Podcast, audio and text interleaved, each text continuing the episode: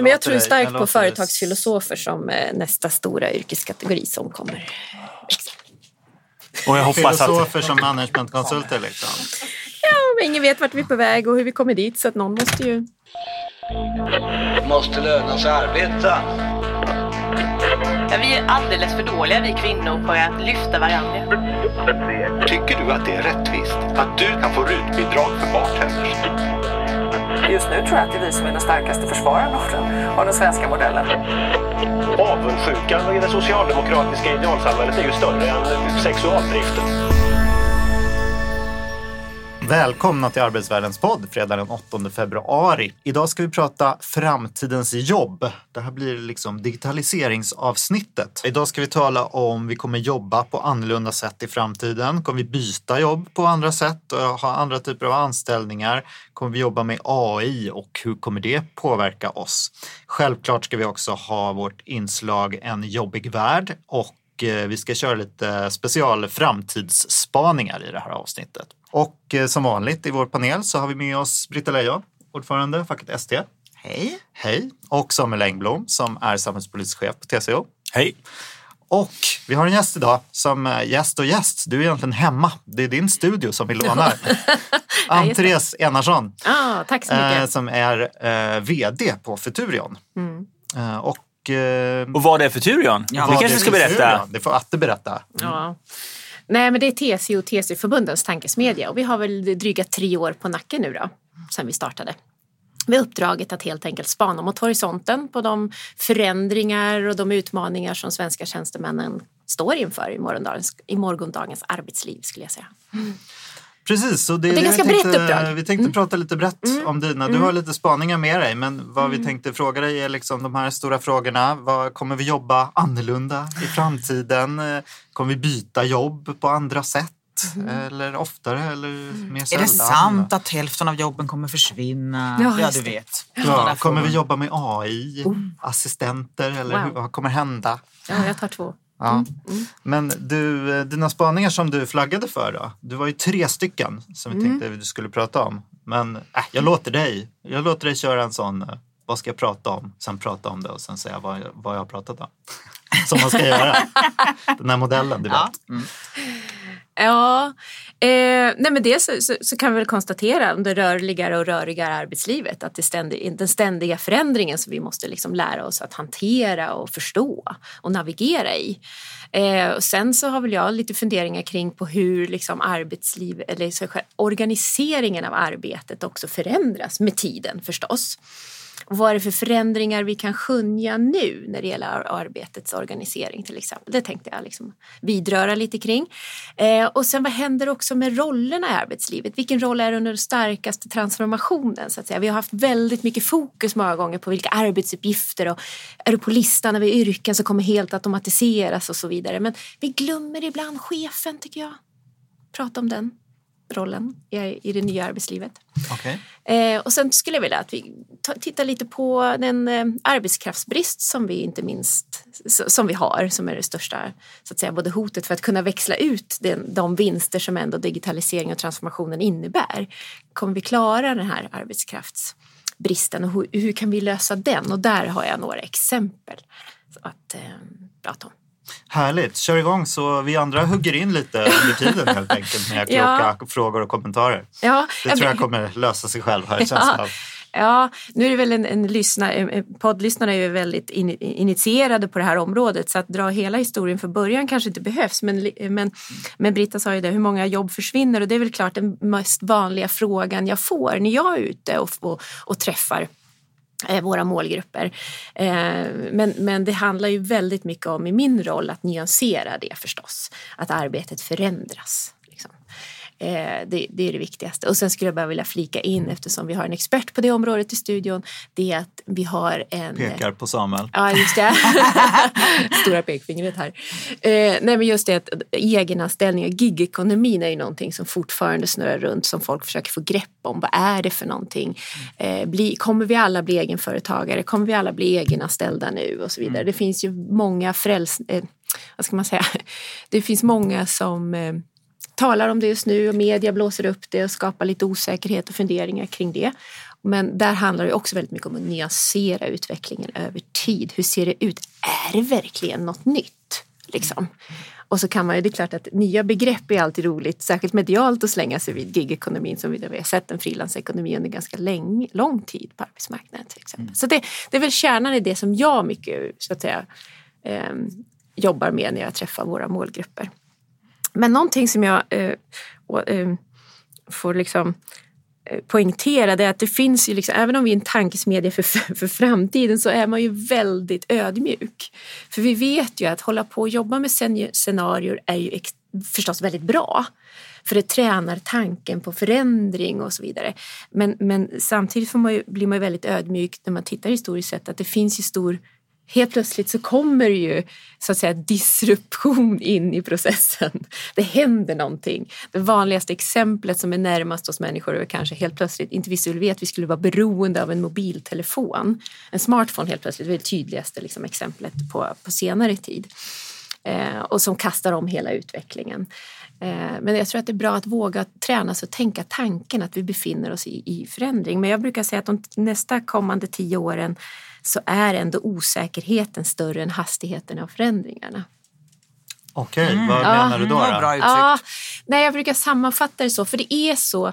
Här, får ni, här är ju ni eh, otroligt eh, både gedigna eh, omvärldsspanare men ni vet ju att liksom vi, har, vi är i en stark teknisk innovationstid just nu. Det kommer, helt, det kommer nya tekniska innovationer. AI inte minst är ju under ganska stark fram, har ju liksom en eh, ganska ung disciplin i och för sig, 50-60 år bakåt, men, men som ändå där utvecklingen eh, sker just nu ganska mycket. Men vi har också en stark geopolitisk osäkerhet som helt plötsligt kan få det här, man, man ser nästan det blir nästan som ett flipperspel. Förstår du? Man ser, Om du ser rent bildligt så att helt plötsligt så tror du att du är på väg åt ett håll och sen helt plötsligt kommer in en Trump eller någonting som bara helt plötsligt kastar om spelplanen för oss. Eller vad säger ni? Det, det är därför Jo. jag pratar om den. Jo men jag menar, vi lever, alltså, nu, med, med den liksom brasklappen då att det är alltid lätt att, att överdriva sin egen tids föränderlighet och osäkerhet. Människor har i alla tider Ständig förändring. Ja, Mm. så, men ändå, det är ju ändå så att det, gamla sanningar och gamla kartor inte riktigt stämmer längre. Det är ju bara att konstatera. Så. Mm. Även om det finns, nu ser jag på Samuel att han vill invända, det får du Ja, nej, men jag, det finns ett sånt här påstående som jag eh, har svårt för. Det är när man säger att allting går fortare idag. Och det, för det ser vi liksom inte i datan. Jag brukar säga att långtidsutredningen 2015 varnade för att strukturomvandling går för långsamt i Sverige. Eh, och jag kan känna det också. Det är nog saker som skulle behöva förändras fortare, inte minst på arbetsmarknaden. Och offentlig sektor inte så- minst. så, Ja. Men, men det, så att, så att där tror jag, det ska man vara väldigt, för det är nog lätt, det kan vara det här perspektivet. Att vi ser allt det nya som dyker upp men, men, men vi ser inte de långa, Men- men- långa trenderna på det viset förrän i efterhand. Va? Alltså, Men jag tycker verkligen att du har rätt i det här, de här geopolitiska förändrade kartbilderna och maktstrukturerna som förändras alldeles uppenbart. Eh, och där det kan man undra, ja, vad har det med den vanliga människan och vanliga löntagaren att göra? Jo, men det har ju naturligtvis påverkan både ekonomiskt och när det gäller vilka, vilka beslut som är möjliga att fatta apropå de beslut Nej, men det- som behöver fattas. Men är det där en, Ja. också Men- en efterkrigs... Alltså jag tänker lite så, vi hade en utveckling efter kriget, eh, 30-40 år. Eh, sen så fick vi en ny ekonomisk... Alltså produktiviteten är ju ändå historiskt lägre nu än vad den var då. Eh, det saktade ner, tillväxten saktade ner. Nu får vi någon sorts... Är det nu det kommer att de här Bretton Woods-institutionerna också börjar skaka? Det, man, det, om? man, det man kan Ja. säga kanske, om vi går tillbaka några år så var det nog fler som försökte gjorde den här poängen om historiens slut. Nu har vi liksom, ja, eh, vi har Allt haft tillväxt under efterkrigstiden, muren har fallit, nu vet vi hur det kommer bli. Sådana, sådana fanns ju för, för 20 år sedan en del som var så. Sen så blev det ju inte så, utan det har hänt väldigt mycket framförallt sedan, sedan 2001. Liksom. Så att det, det, det tror jag är en skillnad nu. Att nu, prat, nu. Nu pratar vi nog om världen som mer osäker. Exakt, Eh, därför att folk inte känner Ja. igen sig. Det som har varit äh, det här efterkrigstidens spelregler, maktstrukturer eh, och eh, liksom stora ekonomiska förutsättningar. De, de är under omstöpning, både tack vare eh, tekniska utvecklingen på grund av Mm, ö- Ja, men också på grund av andra Värderingar, demografi. Precis. Jag, jag ska säga, ett, och då blir det, då blir, när, när liksom gamla mönster inte längre gäller och vi inte har riktigt har hunnit i kapp eller nej, minimi, inte, inte vet. Men Vi ni är ju nere med det. lite på framtidens jobb på arbetsplatsen. Alltså det är Ja. det jag är lite ute efter, lite thought, skulle jag konkret. säga. jag skulle bara vilja säga, bara vill fylla säga i. annat, Ja, men, jag bara, först. Och det var att eh, när jag fick det här uppdraget att spana om framtidens eh, utmaningar, då blev det så här, jaha, men vad vet man då? Precis den här diskussionen som vi har just nu, det är den som är så viktig att vi hela tiden för och inte glömmer det historiska perspektivet. Ett av de första seminarierna jag hade var just det här, när var framtiden som bäst? Ja. Så. Och jag bjöd in allehanda experter som har suttit i långtidsutredningar och i omöjliga utkikstorn har de suttit. Och alla kunde konstatera, för jag sa Give me a decade at least. Liksom så. Eh, och ingen kunde göra det. Eh, för att man konstaterar att man har alltid haft fel. Det har alltid hänt någonting som Samuel sa, någonting oväntat och plötsligt som har fått liksom spelplanen att förändras. Så därför är ju mer kanske den viktigaste diskussionen är väl kanske att man får skapa just perspektiv på förändringarna och är trygga i att, att vi skapar liksom resi- resiliens kring det både i våra Men när framtiden är som bäst, det tolkar jag som när trodde man att framtiden Ja. skulle bli som bäst? Men det var inte det du menade, eller? Jo, vi hade det. Vi hade det, det var en av frågeställningarna också. Förstås. Ja. Nej, men det var liksom så här, hur har framtidsprognoser och scenarier slag, hur, hur lätt är det och hur väl slår de in? Och så visar det sig att de är alltid fel och så konstaterar vi att there are no future facts utan den skapar vi typ här och just runt det här bordet tillsammans hela tiden. Det ska vi inte prata kanske om just i den här podden just idag men som är viktigt och som vi alla vet och behöver påminna oss om. Det är klart att först när, man, när någonting kanske nytt händer eller någonting så blir det oftast en domedagsprofetia där ju bara så hälften av alla jobb försvinner Precis. och så vidare.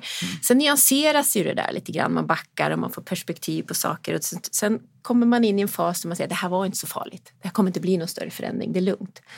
Och sen kommer man in i den tredje avslutande fasen. Det är så här, vet ni, det kommer bli någonting precis mitt emellan.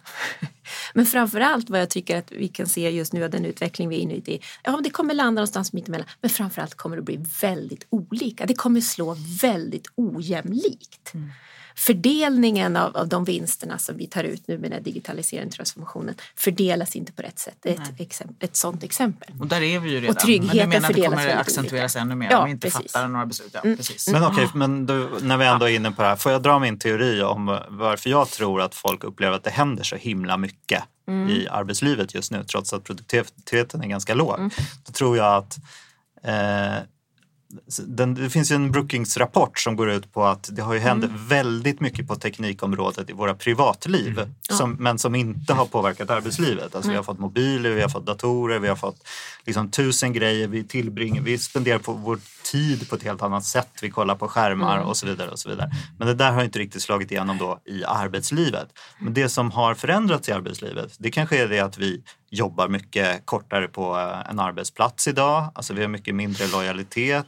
Vi jobbar kanske, okej vi har pratat om att otrygga anställningar inte ökar så mycket i, i omfattning men de, att de otrygga anställningarna blir allt otryggare. Alltså det händer ju saker med hur, strukturen på hur vi jobbar som kanske leder till att vi börjar känna att oj, jag måste, i och med att jag byter jobb oftare så måste jag anpassa mig till en föränderlig arbetsmarknad och så måste jag bla bla bla bla bla. Så det har hänt saker på det sättet som inte återspeglas i, alltså det är inga stora sektorer som har lagt ner och till, till liksom förmån för andra som det var på 70-talet och sådär. Vad tror ni om den teorin?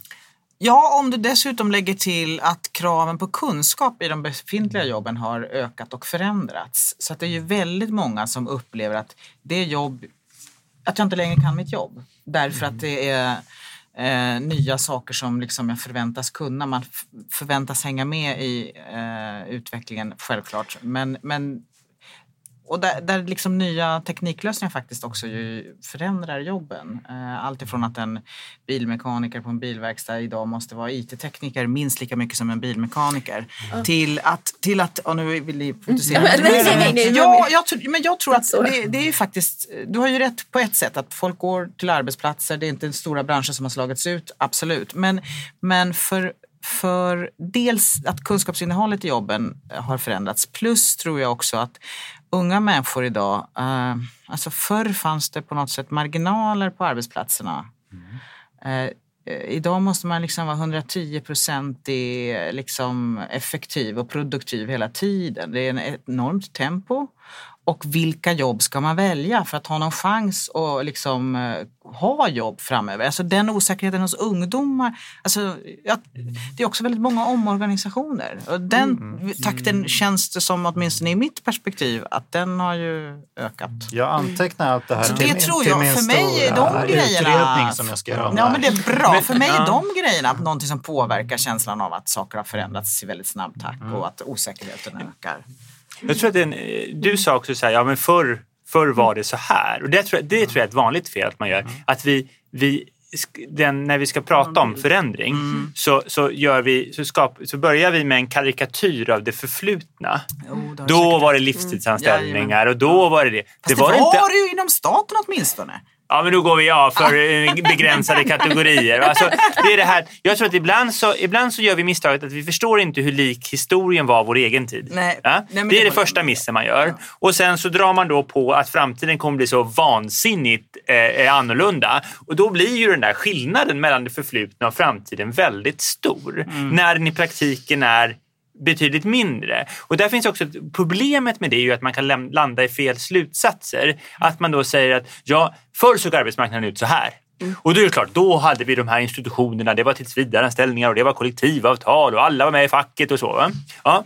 Och så säger man, i framtiden så kommer det inte alls ut så. Så då kan vi inte ha kollektivavtal, ingen kommer vara med i facket och det kommer knappt, ingen kommer kunna finnas några arbetsgivare. Va? Och, då, då liksom då, och så genom att överdriva den skillnaden så kanske vi fattar jättedåliga beslut här och nu. Ja? Det, och det som jag är, det som jag är mest Jättebra. orolig för med den här diskussionen. Är, men då tror jag det är viktigt också att vi måste förstå det förflutna rätt. Ja. Men folk jobbade väl längre på samma arbetsplats för? Det är väl inte fel? Ja, men inte hela livet. Folk Nej, nej. bytte jobb även förr i tiden. Och det, som är, jag, jag, det här är någon grej som jag faktiskt, min plan nu är att titta vidare på det här. Dels för att jämföra klart, hur ser ingången i arbetslivet ut? Och den kan ha förändrats mycket. Att du har fler olika jobb i början på arbetslivet, fler korta anställningar och sådär. Men hur ser din medelåldern i arbetslivet ut? Jag kan tänka mig, det här är hypotesen i det jobbet som jag ska dra igång nästa vecka, det är att Gud vad mycket jobb ni ska dra igång båda Början två. av, arbetslivet, eh, början av arbetslivet har förändrats. Slutet av arbetslivet har förändrats. Ja. Ja. Men det där mittemellan, Ah, spännande. Är det det? kanske inte har förändrats så bra. Ah. Och vad, vad, eh, apropå om man får trendspana då, eller något som, som många jobbar med nu med tanke på att arbetslivet förlängs i slutet. Om vi, pratar, vi, har ju en benägenhet att prata väldigt mycket om hur vi kommer in, ungdomsarbetslöshet och utbildning, universitet och så vidare. Men i slutet nu då, när vi ska bli, jobba längre, eh, så blir ju en ny bransch som utvecklas blir ju age management. Oh. Oh, Det har varit mycket talent fint. management just för att locka talanger, hitta, identifiera och så vidare. Nu blir det age, age management. Vad går det Vad är det för något? Ja, precis. Undrar Ja, men det- också. det kan väl jag komma snart... Nej, men jag tror alltså, tittar man... tillbaka om 30 år och berätta hur det Ja, var. men berätta nu, vad, hur kommer vi jobba? Kommer vi eh, på arbetsplatserna? Kommer det bli någon, vad, när man drar ut utvecklingen? Liksom? Nej, men vad vi ser, om man, om, med väldigt svepande Eh, beskrivning så ser man väl en långsiktig utveckling där vi har haft en industriell bak, alltså med den industriella bakgrunden vi har så har vi byggt hierarkiska organisationer och linjeorganisationer. Eh, och nu ser man att de många nya unga företag är ju ja, till sin organisering tämligen, tämligen platta och mycket mindre. Så.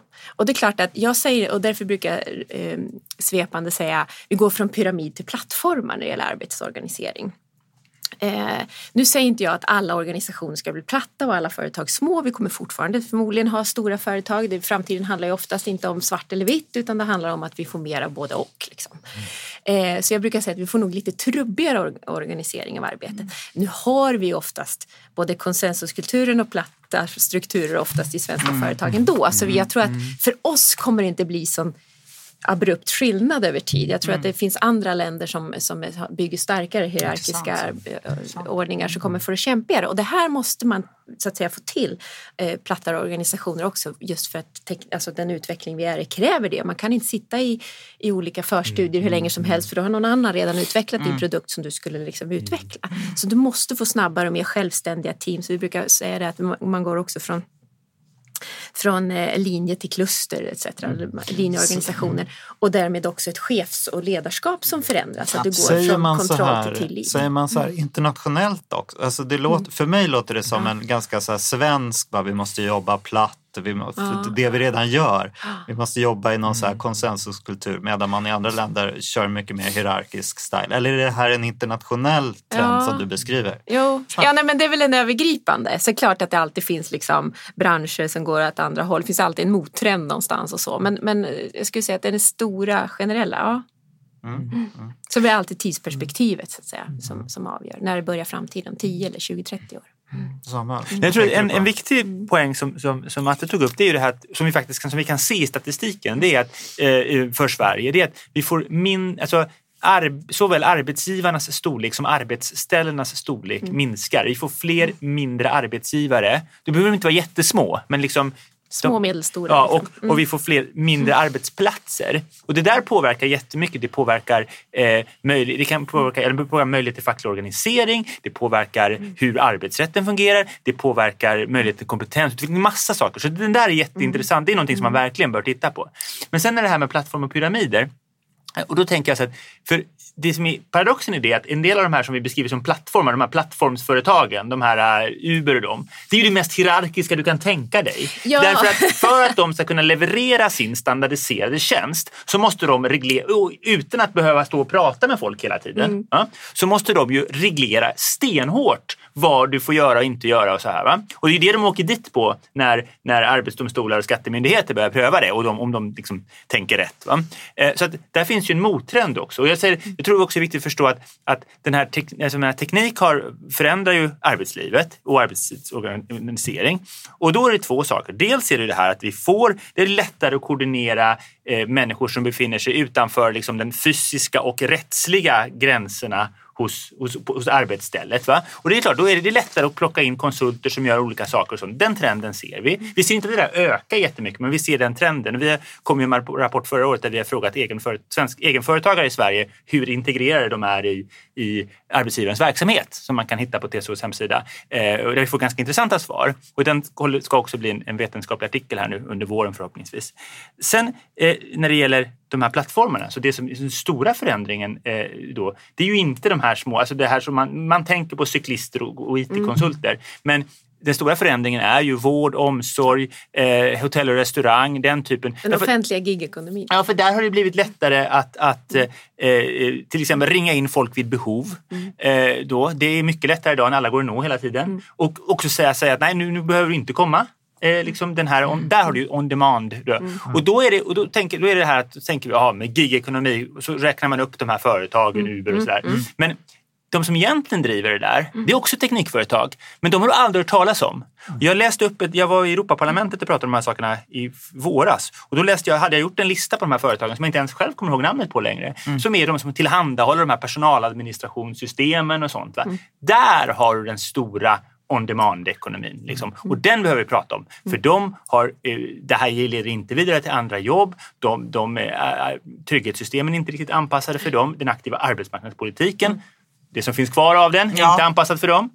Så där har vi ett stort problem. Mm. Ja, Håller, jag- håller du med om Therese om den här, det finns en dubbel utveckling då på ett sätt? Ja, ja nej, men jag, när jag pratar pyramidplattform så menar jag själva organisering och arbete. Och då tänkte inte jag på plattformsföretag utan det var mer formen på liksom att vi Med att vanliga företag också Ja, blir trubbigare. Ja, ja, ja gud ja. Det var mer liksom bes, hur hierarkiska beslutsgångar går. Så jag håller helt med den beskrivningen.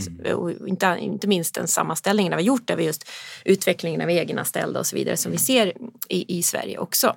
Men eh, eh, det jag tänker på, jag tänker på eh, jag skulle säga, jag var nu på morgonen och lyssnade på en trendspaning om retail och framtiden där. Apropå där giggar och egenföretagare och så. Då är det ändå- Detaljhandel. Detaljhandel, precis. Eh, och det som är ändå var lite spännande ändå, det man ser, man ser ju liksom, för, fortfarande är produkten liksom kärnan, men som ni vet är det här att, man, att det gäller att liksom fånga kunden. Det, det, det handlar inte längre om att etablera fler butiker utan sälja mer tjänster.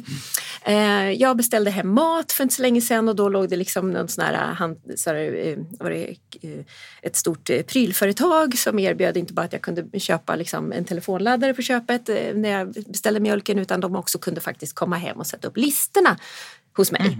Och den där liksom, tjänsteutvecklingen blir ju allt mer. Och vad man säger att man vill ju gå från eh, den här e-handelsutvecklingen där, där vi hämtar våra paket hos ombud så är nästa steg hos handeln att ta sig in i våra hem.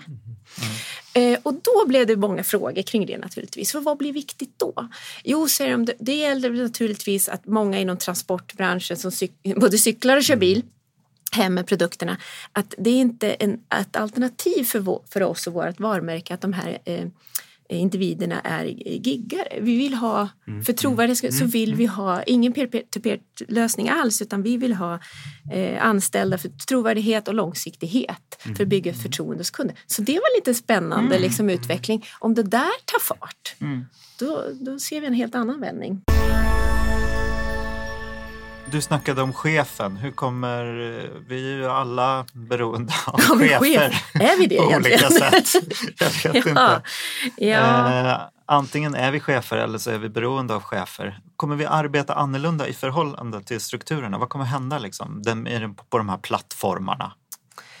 Nej, men när, arbetet liksom blir plattare eh, i den beskrivningen så, så tror jag att, att om vi har haft liksom ganska chefer som har skapats och fostrats i en hierarkisk kultur där du liksom kan eh, mer eller mindre ordergivning men framförallt eh, på ett annat sätt uppföljning och du förväntas ofta ha de flesta svaren så handlar det väl om man ska liksom raljera lite nu kunna ställa de rätta frågorna och facilitera förändring. För du har ju liksom de själv, många av de här cheferna har, eller chefsrollen förändras ju så när du får liksom självständiga organisationer, en plattare organisation så kan de här teamen Eh, vi pratar om redan nu om självledarskap och processorienterat arbete och så vidare. Man, blir ganska, eh, man är ganska duktig själva i teamen och tar take turns så att säga, i, själva, i hur man leder och fördelar arbetet. Så chefsrollen får ju, tror jag, en liten annan betydelse och jag roll och förändras ju sakta. Det, det här ser man ju redan idag så det är liksom knappast giltigt framtidsspaning.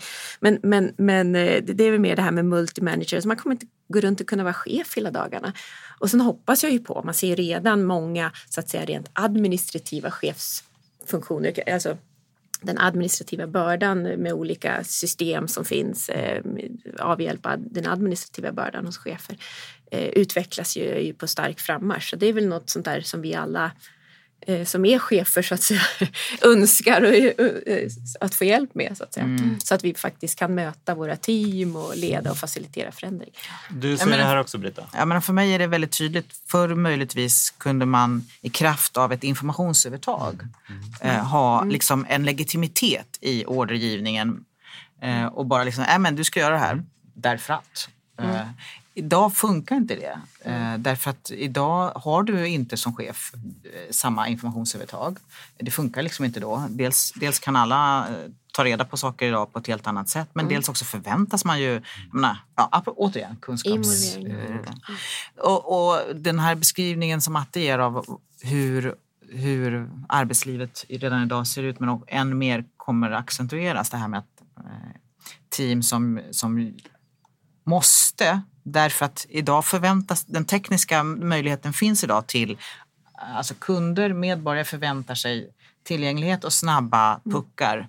Eh, då kan man inte ha samma typ av hierarkiska och långdragna beslutsprocesser. Då måste det finnas även i offentliga verksamheter eh, snabbare leverans.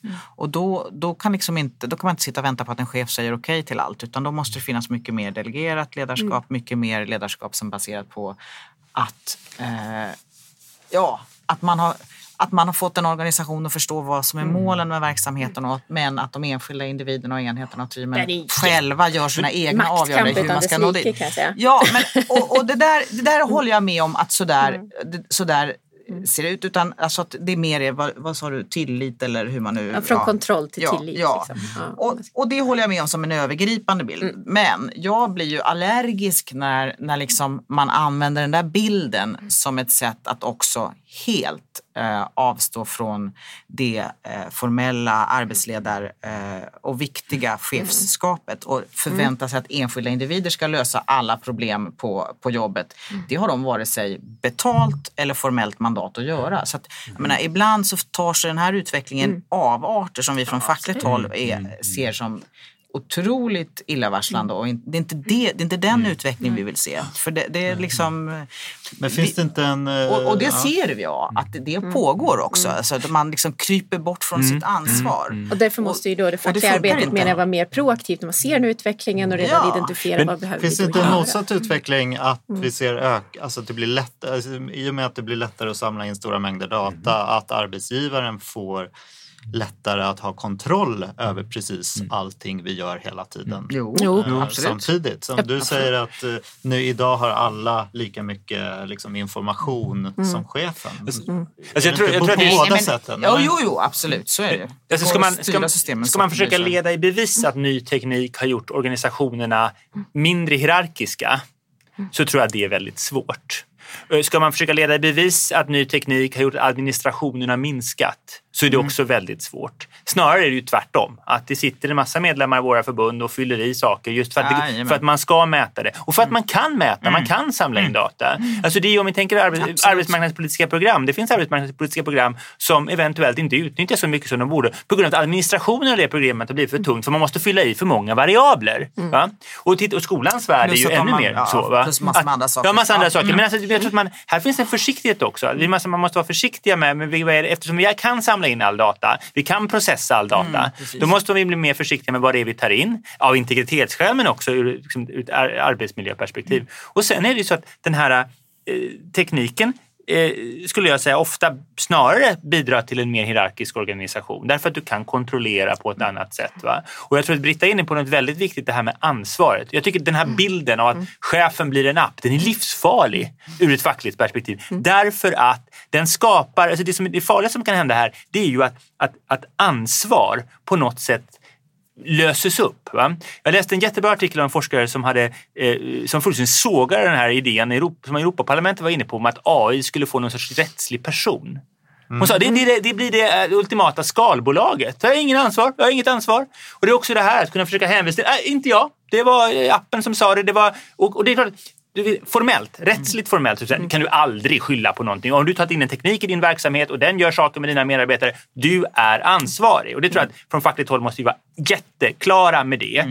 Men och problemet är ju att i vardagen på en arbetsplats så kan det ju bli så här, men när du mellanchef som skyller, nej men du vet, det, var, det här var vad maskinen sa att jag skulle göra. Det, det, mitt beslutsstöd säger att jag ska göra så här. Och då blir, jag tar inte ansvar för det. Och högre upp i organisationen säger man så, ja men vi har ju det här beslutsstödet som våra mellanchefer ska använda. Så att det, Fast det där finns, en, där finns ett problem med liksom att ansvar upplöses. Formellt kan inte ansvar upplösas om man inte går in på de här tokerierna om, om, om liksom, eh, såna här rättslig personlighet och sånt. Va? Men, men, men, men, men i praktiken så kan ju ansvaret börja förskinna. Alltså det är Det jättefarligt. där är intressant i myndighetsutövning också, det här Ja, men- socialtjänstexemplet Ja. där man har en eh, liksom, eh, algoritm som eh, bedömer biståndsbehovet och Trelleborgsmodellen och så vidare. Hur man, hur man hanterar det där förstås. Jo, men det är klart att det, finns ju alltid risker med förändring och utveckling. Och det är därför, därför är det så viktigt att vi framåtlutade, vi som är intresserade av fackliga frågor, så att identifiera utvecklingen i tid för att både definiera och hantera den så att det blir på ett positivt sätt. Sen är det ju liksom fantastiskt om det utvecklas liksom de här administrativa stöd, stöden för chef så att vi verkligen kan se och vara ute hos våra medarbetare och, och medmänniskor. Det är ju fantastiskt. Och lika väl som att man liksom inte hamnar i för långa handläggningstider som minskar tillit och trovärdighet hos våra liksom, viktiga institutioner. Utan när man kan få hjälp lätt så ska man få det. Liksom. Ska man nu liksom kunna erbjuda det. Så att jag tror att ehm, där, är, där gillar jag ju Trelleborg. Å andra sidan så gillar jag ju det att man har tagit ett initiativ och innoverat för dem som så, så att man får mer tid för handpåläggning, mer omsorg om de riktigt svåra. Istället. Om det blir så ja. Mm. Ja, vi får följa menar, det, men det finns ju många länge, exempel. Vi har ju länge liksom trott att eh, teknikutveckling skulle innebära att tid lösgörs för de mer kvalitativa arbetsuppgifterna. Och, mer, Eh, och jag vet inte om det riktigt är så. Det skulle jag gärna vilja... Ja, vi får ju följa tycker jag. För, för det handlar ju också om, jag tänkte så här, vad blir då chefens ansvar och sådär. Jag tänker, tänker att men om vi går över på det här med kompetensbristen och så, så blir det ju, tycker jag att det att, att eh, pusha på det här ansvaret för nyfikenhetskulturen som jag kallar det för, själva lärandekulturen som är så viktigt. Vi får, det, det handlar inte om, nu när teknisk innovation och vad det nu är för någon förändring och sådär, eh, behöver liksom, vi står inför den här stora var det 100 000 människor som fattas till 2030, var det inte så? Jo, Arbetsförmedlingen sa Ja, ungefär igår, så. Ja. Mm. Så, så, handlar det, så, så det är inte sitta med armarna i kors och vänta på att det Nej. ska ko- liksom, dyka upp mer människor någonstans utan just att det trycks tillbaka lite ansvaret på arbetsgivarna. Att ni, får faktiskt, ni får faktiskt skapa liksom, kompetens här. Ni får faktiskt, det, det är liksom ingen talent management man ska ut och leta efter talang. Skapa talangerna. Ja. Se till att lä- skapa en, en, liksom någon slags learnability Ja. in-house. För det blir liksom, det här är, det är, så, det här är Så- vad som så- finns. så rätt. Ja, så så. Mm. det tycker jag det borde också facket vara mycket tydligare med att det är här det, är här det händer och det, Mm. och det här tjänstemännen också vill lära sig på arbetsplatsen.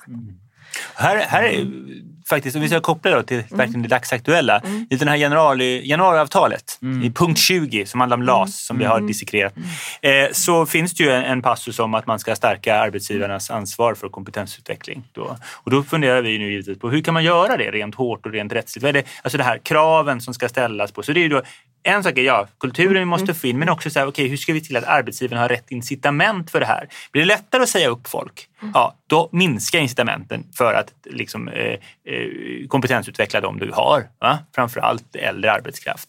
Eh, men också vad kan vi göra? Hur ska vi göra så att medarbetarna kan kräva i större utsträckning för att, få, att det får konsekvenser för arbetsgivaren om man inte har gett folk rätt kompetensutveckling. Så, så den, det jobbar vi med. Jag har en sån här, om, jag, om jag får visionera lite då så tänker jag så här.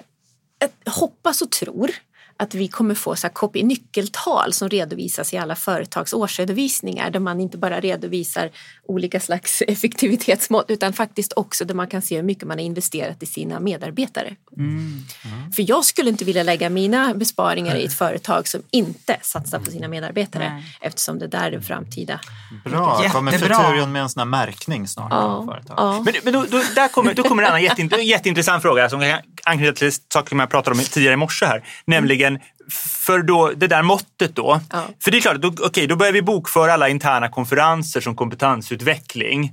För det har ju pratats om att man skulle kunna sätta, ska man sätta någon sorts här, okej, de ska lägga x procent av det och det eller x så Ja, mycket tid. Och, så här. och det här, jag var och pratade hos Forte som är forskningsrådet för eh, arbetsliv och hälsa och lite annat i morse. Och vi pratade om arbetslivsforskning. De kommer, det är ett nytt nationellt program för detta. Jättespännande grejer. Stora utlysningar, massa miljoner till forskning. Och då sa jag till de här forskarna, som var mest sådana som satt där, jag sa så att ni har en jätteviktig uppgift. Därför att på arbetslivets område är det så att ni verkar i en bransch där det finns massa alternativa kunskapsproducenter. Det finns en himla massa organisationskonsulter och inspirationstagare som är ute där och, och, och liksom berättar om hur, hur folk borde förändra arbetslivet utan det här forskningsstödet. Va? Alltså det jag sa att om, om, om, inom, om man inom medicinen har problem med alternativmedicin så är det ju ingenting mot vad man har på arbetslivets område. Alltså det serveras mycket kollodialt silver i kaffekopparna på konferensanläggningarna om man ska liksom ta det, ta det hårt. Va? Så det här är ett område, det blir jätteviktigt med att det verkligen är kunskap. För vi kan se så många exempel där man har landat väldigt snett. Och där faktiskt forskarna sa att det där var nog inte, alltså det var, varningsklockorna ringde ju. Men någon hade en driven idé, det kanske fanns pengar att spara, det blev det här som var liksom, som alla pratade om. Alla gick på samma konferenser och pratade om varandra, att det är det här som är det nya. Utan att det fanns forskningsstöd. Va? Och det där är livsfarligt på ett Ja sånt område. inte heller. Nej men hallå liksom, om, om vi bara skulle göra allting som är välbeforskat. Det är klart, jag, jag står absolut, det ska vara forskningsnära och det ska vara evidensbaserat. Det är jättetryggt och säkert. Men den båten far ju ingenstans, den lämnar ju aldrig hamn. Vi måste ju, vi måste ju liksom våga och ha mod, innovera, det är väl det jag saknar. Vi pratade i morse också om, om partsmodellen och arbetsmarknadsmodellens liksom livskraft. Men vad sker innovationen säger jag? Vi måste ju liksom våga ta och testa. Det är det alla företag dessutom nu gör för fullt.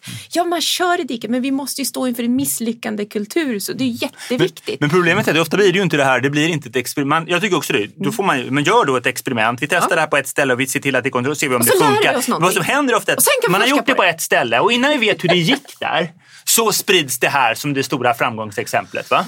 Det är ju det som är, är eh, att läsa, man ska läsa så här, 15 år gammal managementlitteratur eller eh, 15 år gammal litteratur om vilken ekonomisk modell som är bäst, vilket land vi ska ta efter. Det är ju jättespännande för det har alltid slagit fel sen. Va? Så det, det, det är just det att att man springer iväg innan man vet om det här funkade. Och så springer alla åt samma håll. Det är där jag blir... Mm. Det är där och, då, och då sa jag till de här arbets... Ja, det, är inte, men det är inte bara våran konsensus. Det här är men väl den- utarbetade koncept som folk Absolut. säljer för att tjäna pengar. Exakt, Va? det handlar om att skapa en marknad. och så. Ja, du Och då Men- sa jag men- till forskarna att det är ni måste som är ju- ljusets riddarvakt. Måste- Det är ni som måste gå ut Ja, men och, och det trycka finns ut er massor forskning. med sådana avarter. Jag håller verkligen Absolut. med om det. Men det är ju inte riktigt det att det talar om, om jag fattar dig rätt. Utan det är mer att det måste finnas en möjlighet att prova nytt. Det måste finnas Ja, möjligheter att göra fel. Eh, Ja. Men, eh, men eh, helst i mindre skala än de här stora exemplen som du pratar om. Som, Ja. mm.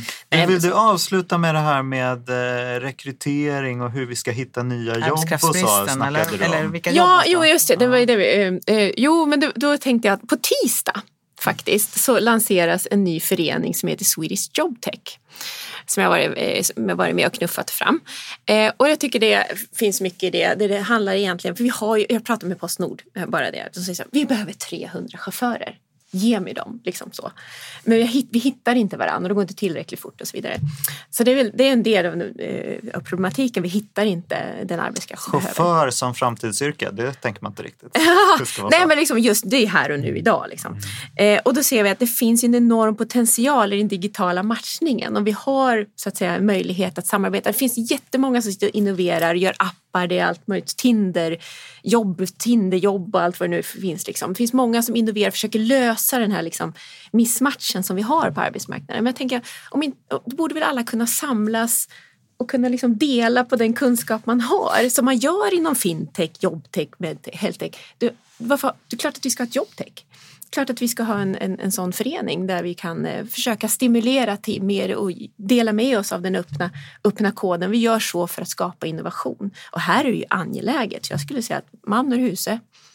Vad händer då? Alltså, vad, är, vad, är framtid, vad är visionen? Ska det bli ett Google Jobs där vi liksom alltid är på en, alla våra egenskaper? LinkedIn, liksom, att vi kartläggs och så kan vi matchas ihop med en massa olika jobb? Eller vad är grejen? Nej, men jag ser väl möjligheten att många som sitter... Vi har ett fantastiskt innovationsarbete som faktiskt bedrivs på Arbetsförmedlingen idag som inte många känner till. De gör otroligt, de drar ett väldigt tungt lass på det här området tycker jag och gör fantastiska saker. Men för att kicka igång branschen ännu mer och bjuda in, för det finns ju startups, det finns entreprenörer, alla som vill in och lösa det här. Vi har ju träffat dessutom massa studenter vid universiteten som faktiskt sitter och på sin fritid försöker liksom bygga appar för att vi lättare ska kunna hitta och identifiera rätt och relevant kompetens etc. Om vi bara kunde liksom knö ihop oss och sen har, det här har jag byggt, det här har jag kunnat liksom, den här appen eller vad det nu är för någonting, nu tar jag det som ett enkelt exempel, eh, har jag byggt. Ja men vad fine, det här har vi gjort och då bygger vi vidare på det. Som man gör inom, prog- man jobbar med GitHubs inom programmering där man liksom delar liksom sina lösningar och bygger vidare på varandras lösningar. För jag tror inte det finns en som sitter på lösningen oavsett vad det gäller liksom världsläget eller liksom vår digitala matchning utan det är liksom samarbete som gäller och att vi vågar dela med oss. Vad säger ni andra? Förstod ni det här ordentligt? Ja. Vad kommer det innebära för oss? Här, ja. Ja. Ja, jag vet inte var jag ska börja. Men... Men ska- Börja du Samuel så får jag Nej, men så här, är, när man pratar matchning så ska vi vara medvetna om att problemet på den svenska arbetsmarknaden vad gäller matchning, det är inte att, att, det, att, det liksom, att det finns problem i sammanförandet mellan arbetstagare som har den kompetensen som arbetsgivare Nej. efterfrågar och de arbetsgivarna. Utan problemet ligger att det finns inte arbetstagare som har den kompetensen. Vi har en brist på chaufförer därför att det finns för få utbildade chaufförer. Inte för att det finns massa människor som sitter med, med hur många bokstäver som helst på sitt körkort eh, eh, eh, och, och inte vet att arbetsgivare letar efter arbetskraft. Det är liksom inte Nej, det som är nej, problemet, nej, så vi löser inte det. Nej, det, som jag, men det. som jag skulle vilja att man funderar längre på, framförallt också när statliga myndigheter ger sig in i det här, det är ju det att vad, vad finst det då för risker med en del av de här den här digitala matchningen och liksom, som ju ofta handlar om att hugga upp jobb i små delar eller att ta saker som annars inte skulle bli utförda och göra små jobb av dem. Ja, dels finns det en risk att, att det leder till en ökad fragmentering av jobb. Alltså det blir den här on-demand-ekonomin istället för att folk får mer stabila arbetstillfällen. Det är inte bra för individen. Det är inte heller samhällsekonomiskt bra. Som vi sa tidigare, det är det som gör det svårare för de människorna att gå vidare till andra jobb sen. Eh, då. Och därför tänker jag när Arbetsförmedlingen ger sig in i det här så måste ju de ha haft en arbetsmarknadspolitisk tanke med detta. Och den har jag, jag har frågat dem om det men jag har liksom inte fått den förklarad för mig. Hur, hur, hur bidrar detta till en bättre fungerande arbetsmarknad på sikt? Där människor, liksom får, där människor som har varit i utkanten på arbetsmarknaden rör sig så att de, gör, så de får mer, mer fast mark under fötterna. Det andra är vad det betyder för själva liksom, matchningen i den, den bemärkelsen, vem får jobb? För en sak som en del av de här nya lösningarna bidrar till, det är att till exempel det blir lättare för en student Eh, eh, att jobba extra. Det är jättetrevligt för studenten. Du kan gå in och boka dina egna timmar ofta till exempel på de här. Då kan jag gå in, det passar med min föreläsningsschema. Problemet är att det finns en risk att de tränger ut andra.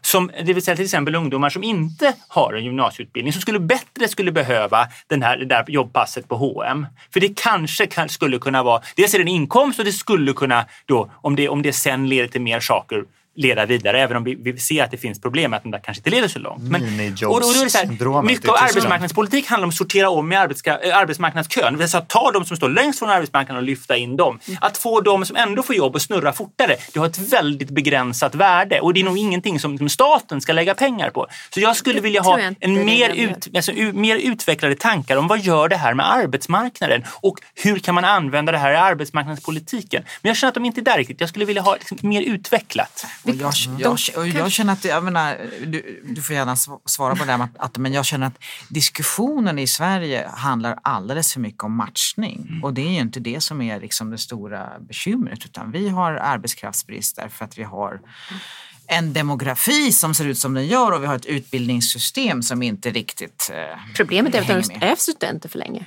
De borde faktiskt jobba. Det är en av sakerna. Nej, alltså jag, där är jag inte så riktigt säker på. För det arbetsmarknadspolitiska värdet av att en student jobbar extra är väldigt lågt. Va? Därför att de kommer få jobb ändå. Och jag tänker att just den här typen av jobb som inte kräver så mycket utbildning, de bör i första hand gå till de eh, eh, de ungdomar som det ofta handlar om, eh, som verkligen behöver dem, som inte kan få andra jobb och som inte studerar. Där, och därför så att hjälpa att liksom och ska, ska, ska då till exempel Arbetsförmedlingen ger sig in i det här, då måste det vara målet. Mm. Att se till att de får jobb i större utsträckning. Mm. Sortera om i kön, det är det som arbetsmarknadspolitik väldigt mycket handlar om. Men, men, ja, men, men, det är en alldeles för förenklad bild av arbetsmarknadspolitik. Men det är en aspekt av den. Ja, matchningsdelen handlar mycket ja, om det. Men, men jag, jag, jag tror att det här handlar om, liksom, att, utmana människor. sättet att rekrytera mycket. Ja. Eh, för det tror jag vi behöver utmana. Vi, vi rekryterar i alldeles för utsträckning lika, en likadan fast ny. Alltså en likadan som mig själv fast mm. så att jag vet vad jag får. Vi måste, där tycker jag den här, den här tekniska liksom, innovationshubben mm. som det ändå är kan bidra. Mm. Eh, jag kan ta ett ytterligare exempel där man liksom låter eh, där man låter alltså, eh, data dra fram dina kandidater. Du, ingen handpåläggning i, i, så att säga, i searchen. Och då får du fram kandidat som du aldrig hade. Liksom, om, vad är dina viktigaste tre kompetenser? Och då tar man kanske inte ens nu provocerar jag, men liksom, for, liksom formella utbildningen kanske inte är topp tre utan det är att du kommer i tid. Att du, det, kan, det kan ju förhandla, nu, liksom, nu raljerar jag lite grann, men det kan handla om helt andra helt saker. saker. Motivation, mm. nyfikenhet mm. och sen tar man liksom, och då får du helt andra kandidater in på ditt bord. Som skapar mångfald. Så det finns ju det finns ju en helt annan och, och, och, det tycker jag är mer rättvist mot dem som kanske ibland står faktiskt längst från arbetsmarknaden många gånger som har, får en helt ny chans via de här tekniska innovationerna. Så, att så visst är det så. Eh, och så tycker jag det är lite kul när jag, när jag lyssnade just på Postnord som sa så här att äh, men vet du, vi behöver kandidater som, som, som vi kan satsa på långsiktigt och motivationen är krav.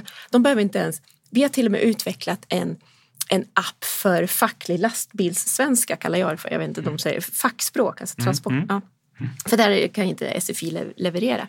Så att det finns ju jag tyckte att det var ett väldigt bra exempel hos Postnord där de liksom sa resten fixar vi liksom. Men du måste ha en grundmotivation och sen så, men allt annat det, det kan vi klä på dem. Det tyckte jag var en sån härlig inställning från deras HR-chef.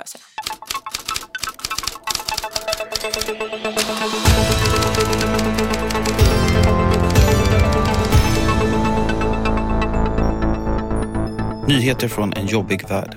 Arbetsförmedlingen gör kraftiga nedskärningar till följd av januariöverenskommelsen.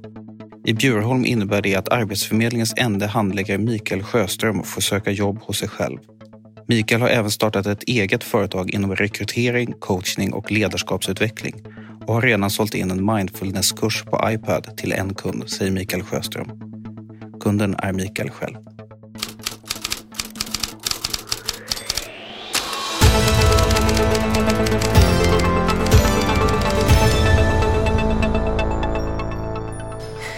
Briljant. Lysande. Man hade ju önskat att det var satir. Ja.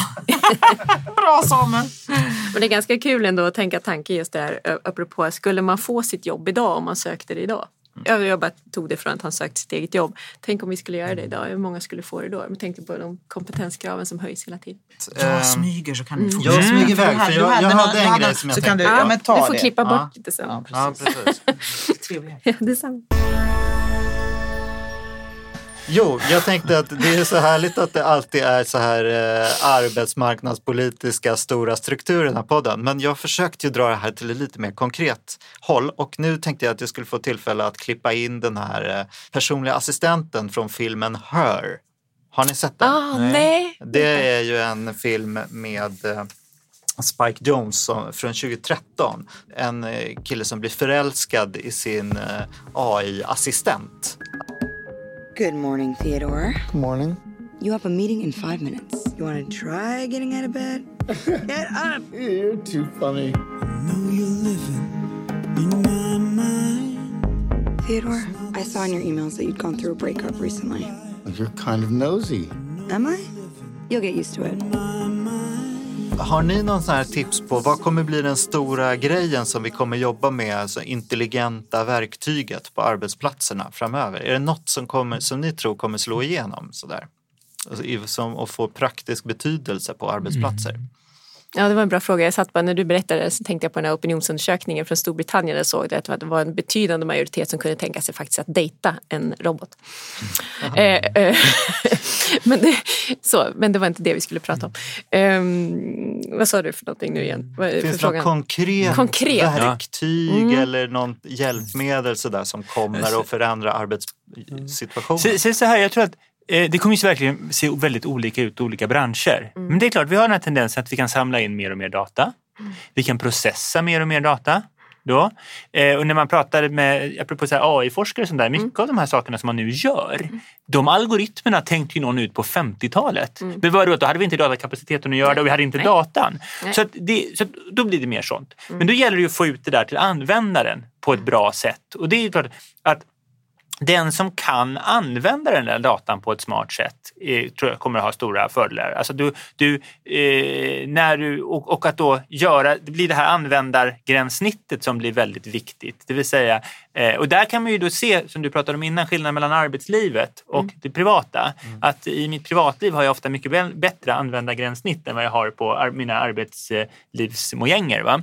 Eh, och då eh, att jag, jag skulle själv vilja kunna, så här, man skulle vilja bara kunna prata in till den så när man får en idé. så här, Okej, hämta den datan där, hämta den datan där, jämför dem på det här viset. Eh, alltså så att den förstår det, lite, förstår det här naturliga språket. Och det är klart, då blir det ännu viktigare för människa att kunna inte kunna behöva göra, göra beräkningen, men att kunna förstå vad man kan göra med till exempel data och kunna och, kunna, och så kunna uttrycka det på ett sätt som maskinen förstår. Och då kan ju det vara genom tal. Och då kan det vara så att det är någon ute, och det kan ju vara på väldigt många olika nivåer. Jag tänker att du, har en, eh, du jobbar i, i, det- i detaljhandeln, som, som, som Matte pratade om tidigare. Eh, Du har en affär, att kunna förstå vad du ska ta in. eh, Liksom vad du ska, och just att, att, att den här som, och det kanske är någon som, som jobbar där och som kan tänka, just kunna ställa de rätta frågorna till, till sin data. Just det. det är som att kvantare kommer bli automatiserade på något sätt. Om utredarna idag säger till sina kvantare, ta reda på det här i data, så kommer man liksom eh, använda en maskin till detta. Och då tänker jag att ett, ett, app- eh, om vi ska göra en framtidsspaning Vad kommer bli ett viktigt arbete framöver? Det kommer bli sån här, jag tror, är, eh, private data detective, alltså att vi måste ha ett, ett om, dataombud som bara ser till hur vilka, av, vilka fottryck, vi var inne på det tidigare, vi lämnar överallt med våran data. Som både i privatlivet förstås, Ica har ju tokkoll på mig när, när jag köper vad jag köper och hur mycket tvättmedel och hur mycket godis jag köper. Eh, dels också, men, men också i arbetslivet. Vilka digitala fotavtryck lämnar jag? Och så behöver jag lite coaching i det och jag behöver liksom Ah, att du som medarbetare liksom kan Ja, få ett en eh, dataombud, varning alltså. så att du inte lämnar ifrån dig för mycket data till arbetsplatsen. Ja, Ah, precis. Men också i privatlivet om jag vill, om jag vill liksom eh, ja, inte Liksom Jag kan ju helt- drömma, jag kan drömma jag ibland om såna här maskiner som ska kunna eh, berätta för mig hur jag ska skriva den optimala rubriken och ingressen för att det ska få Mm. klick. Liksom. Det kan ju inte vara så svårt Nej. att utveckla. Det är mycket så datagenererade nyheter som kan plocka upp liksom, saker ur eh, statistik och göra någon liten nyhet på det. Bäst och sämst och minst och mest och så. Men just att skriva rubriker som med vissa ord, liksom, det finns ju sån här Ja, det, måste ju vara ut, det måste ju finnas redan i stort sett. Men här finns, men här finns ju då ett problem, för Atte pratade tidigare om innovation och det finns ju en motsättning mellan de här algoritmerna och innovation. Därför att de bygger ju på att man tittar på hur, vad som har funkat tidigare. De bygger på, man, och det, det tycker jag är lite, de bygger ju på att när det gäller anställningar, på vilka man har anställt tidigare. Alltså det, är ju, det, är ju, de, det, blir ju, det har ju, finns ju många exempel på det där har kunnat bli väldigt fel när man har använt dem vid rekrytering. Eller i det här fallet, för då kommer, du, då kommer det sluta med att du skriver samma rubriker som alla andra. För då kommer det dels så är det så att först går ni tillbaka, vad har funkat? Och så rättas alla efter det. Och sen i nästa vända så blir det ju så, då tittar man på det som funkade och då var det ju, hade alla skrivit samma, så det blir ju en likriktning. Så, Så att innovation må handla, måste ju kunna handla att, att kunna förhålla sig liksom oberoende till de där sakerna. Men det är ju först när man kan reglerna som man kan bryta mot dem. Ja, just det. Det var en bra avslutning. Men jag tycker man ser, alltså, apropå det här du säger, spela rubriker, att man, man, det här ser man ju att, att idag kan det vara en lokalnyhet ganska kan bli viral eh, eh, om med, med en bra rubriksättning. Och då kanske inte den är alls skriven för dem som, för de lokal, eh, utan den är skriven för att bli viral. För att man vill peka på att det är något jättekonstigt i någon del av landet och så vet man det. Liksom. Så AI är egentligen ett hot mot innovation.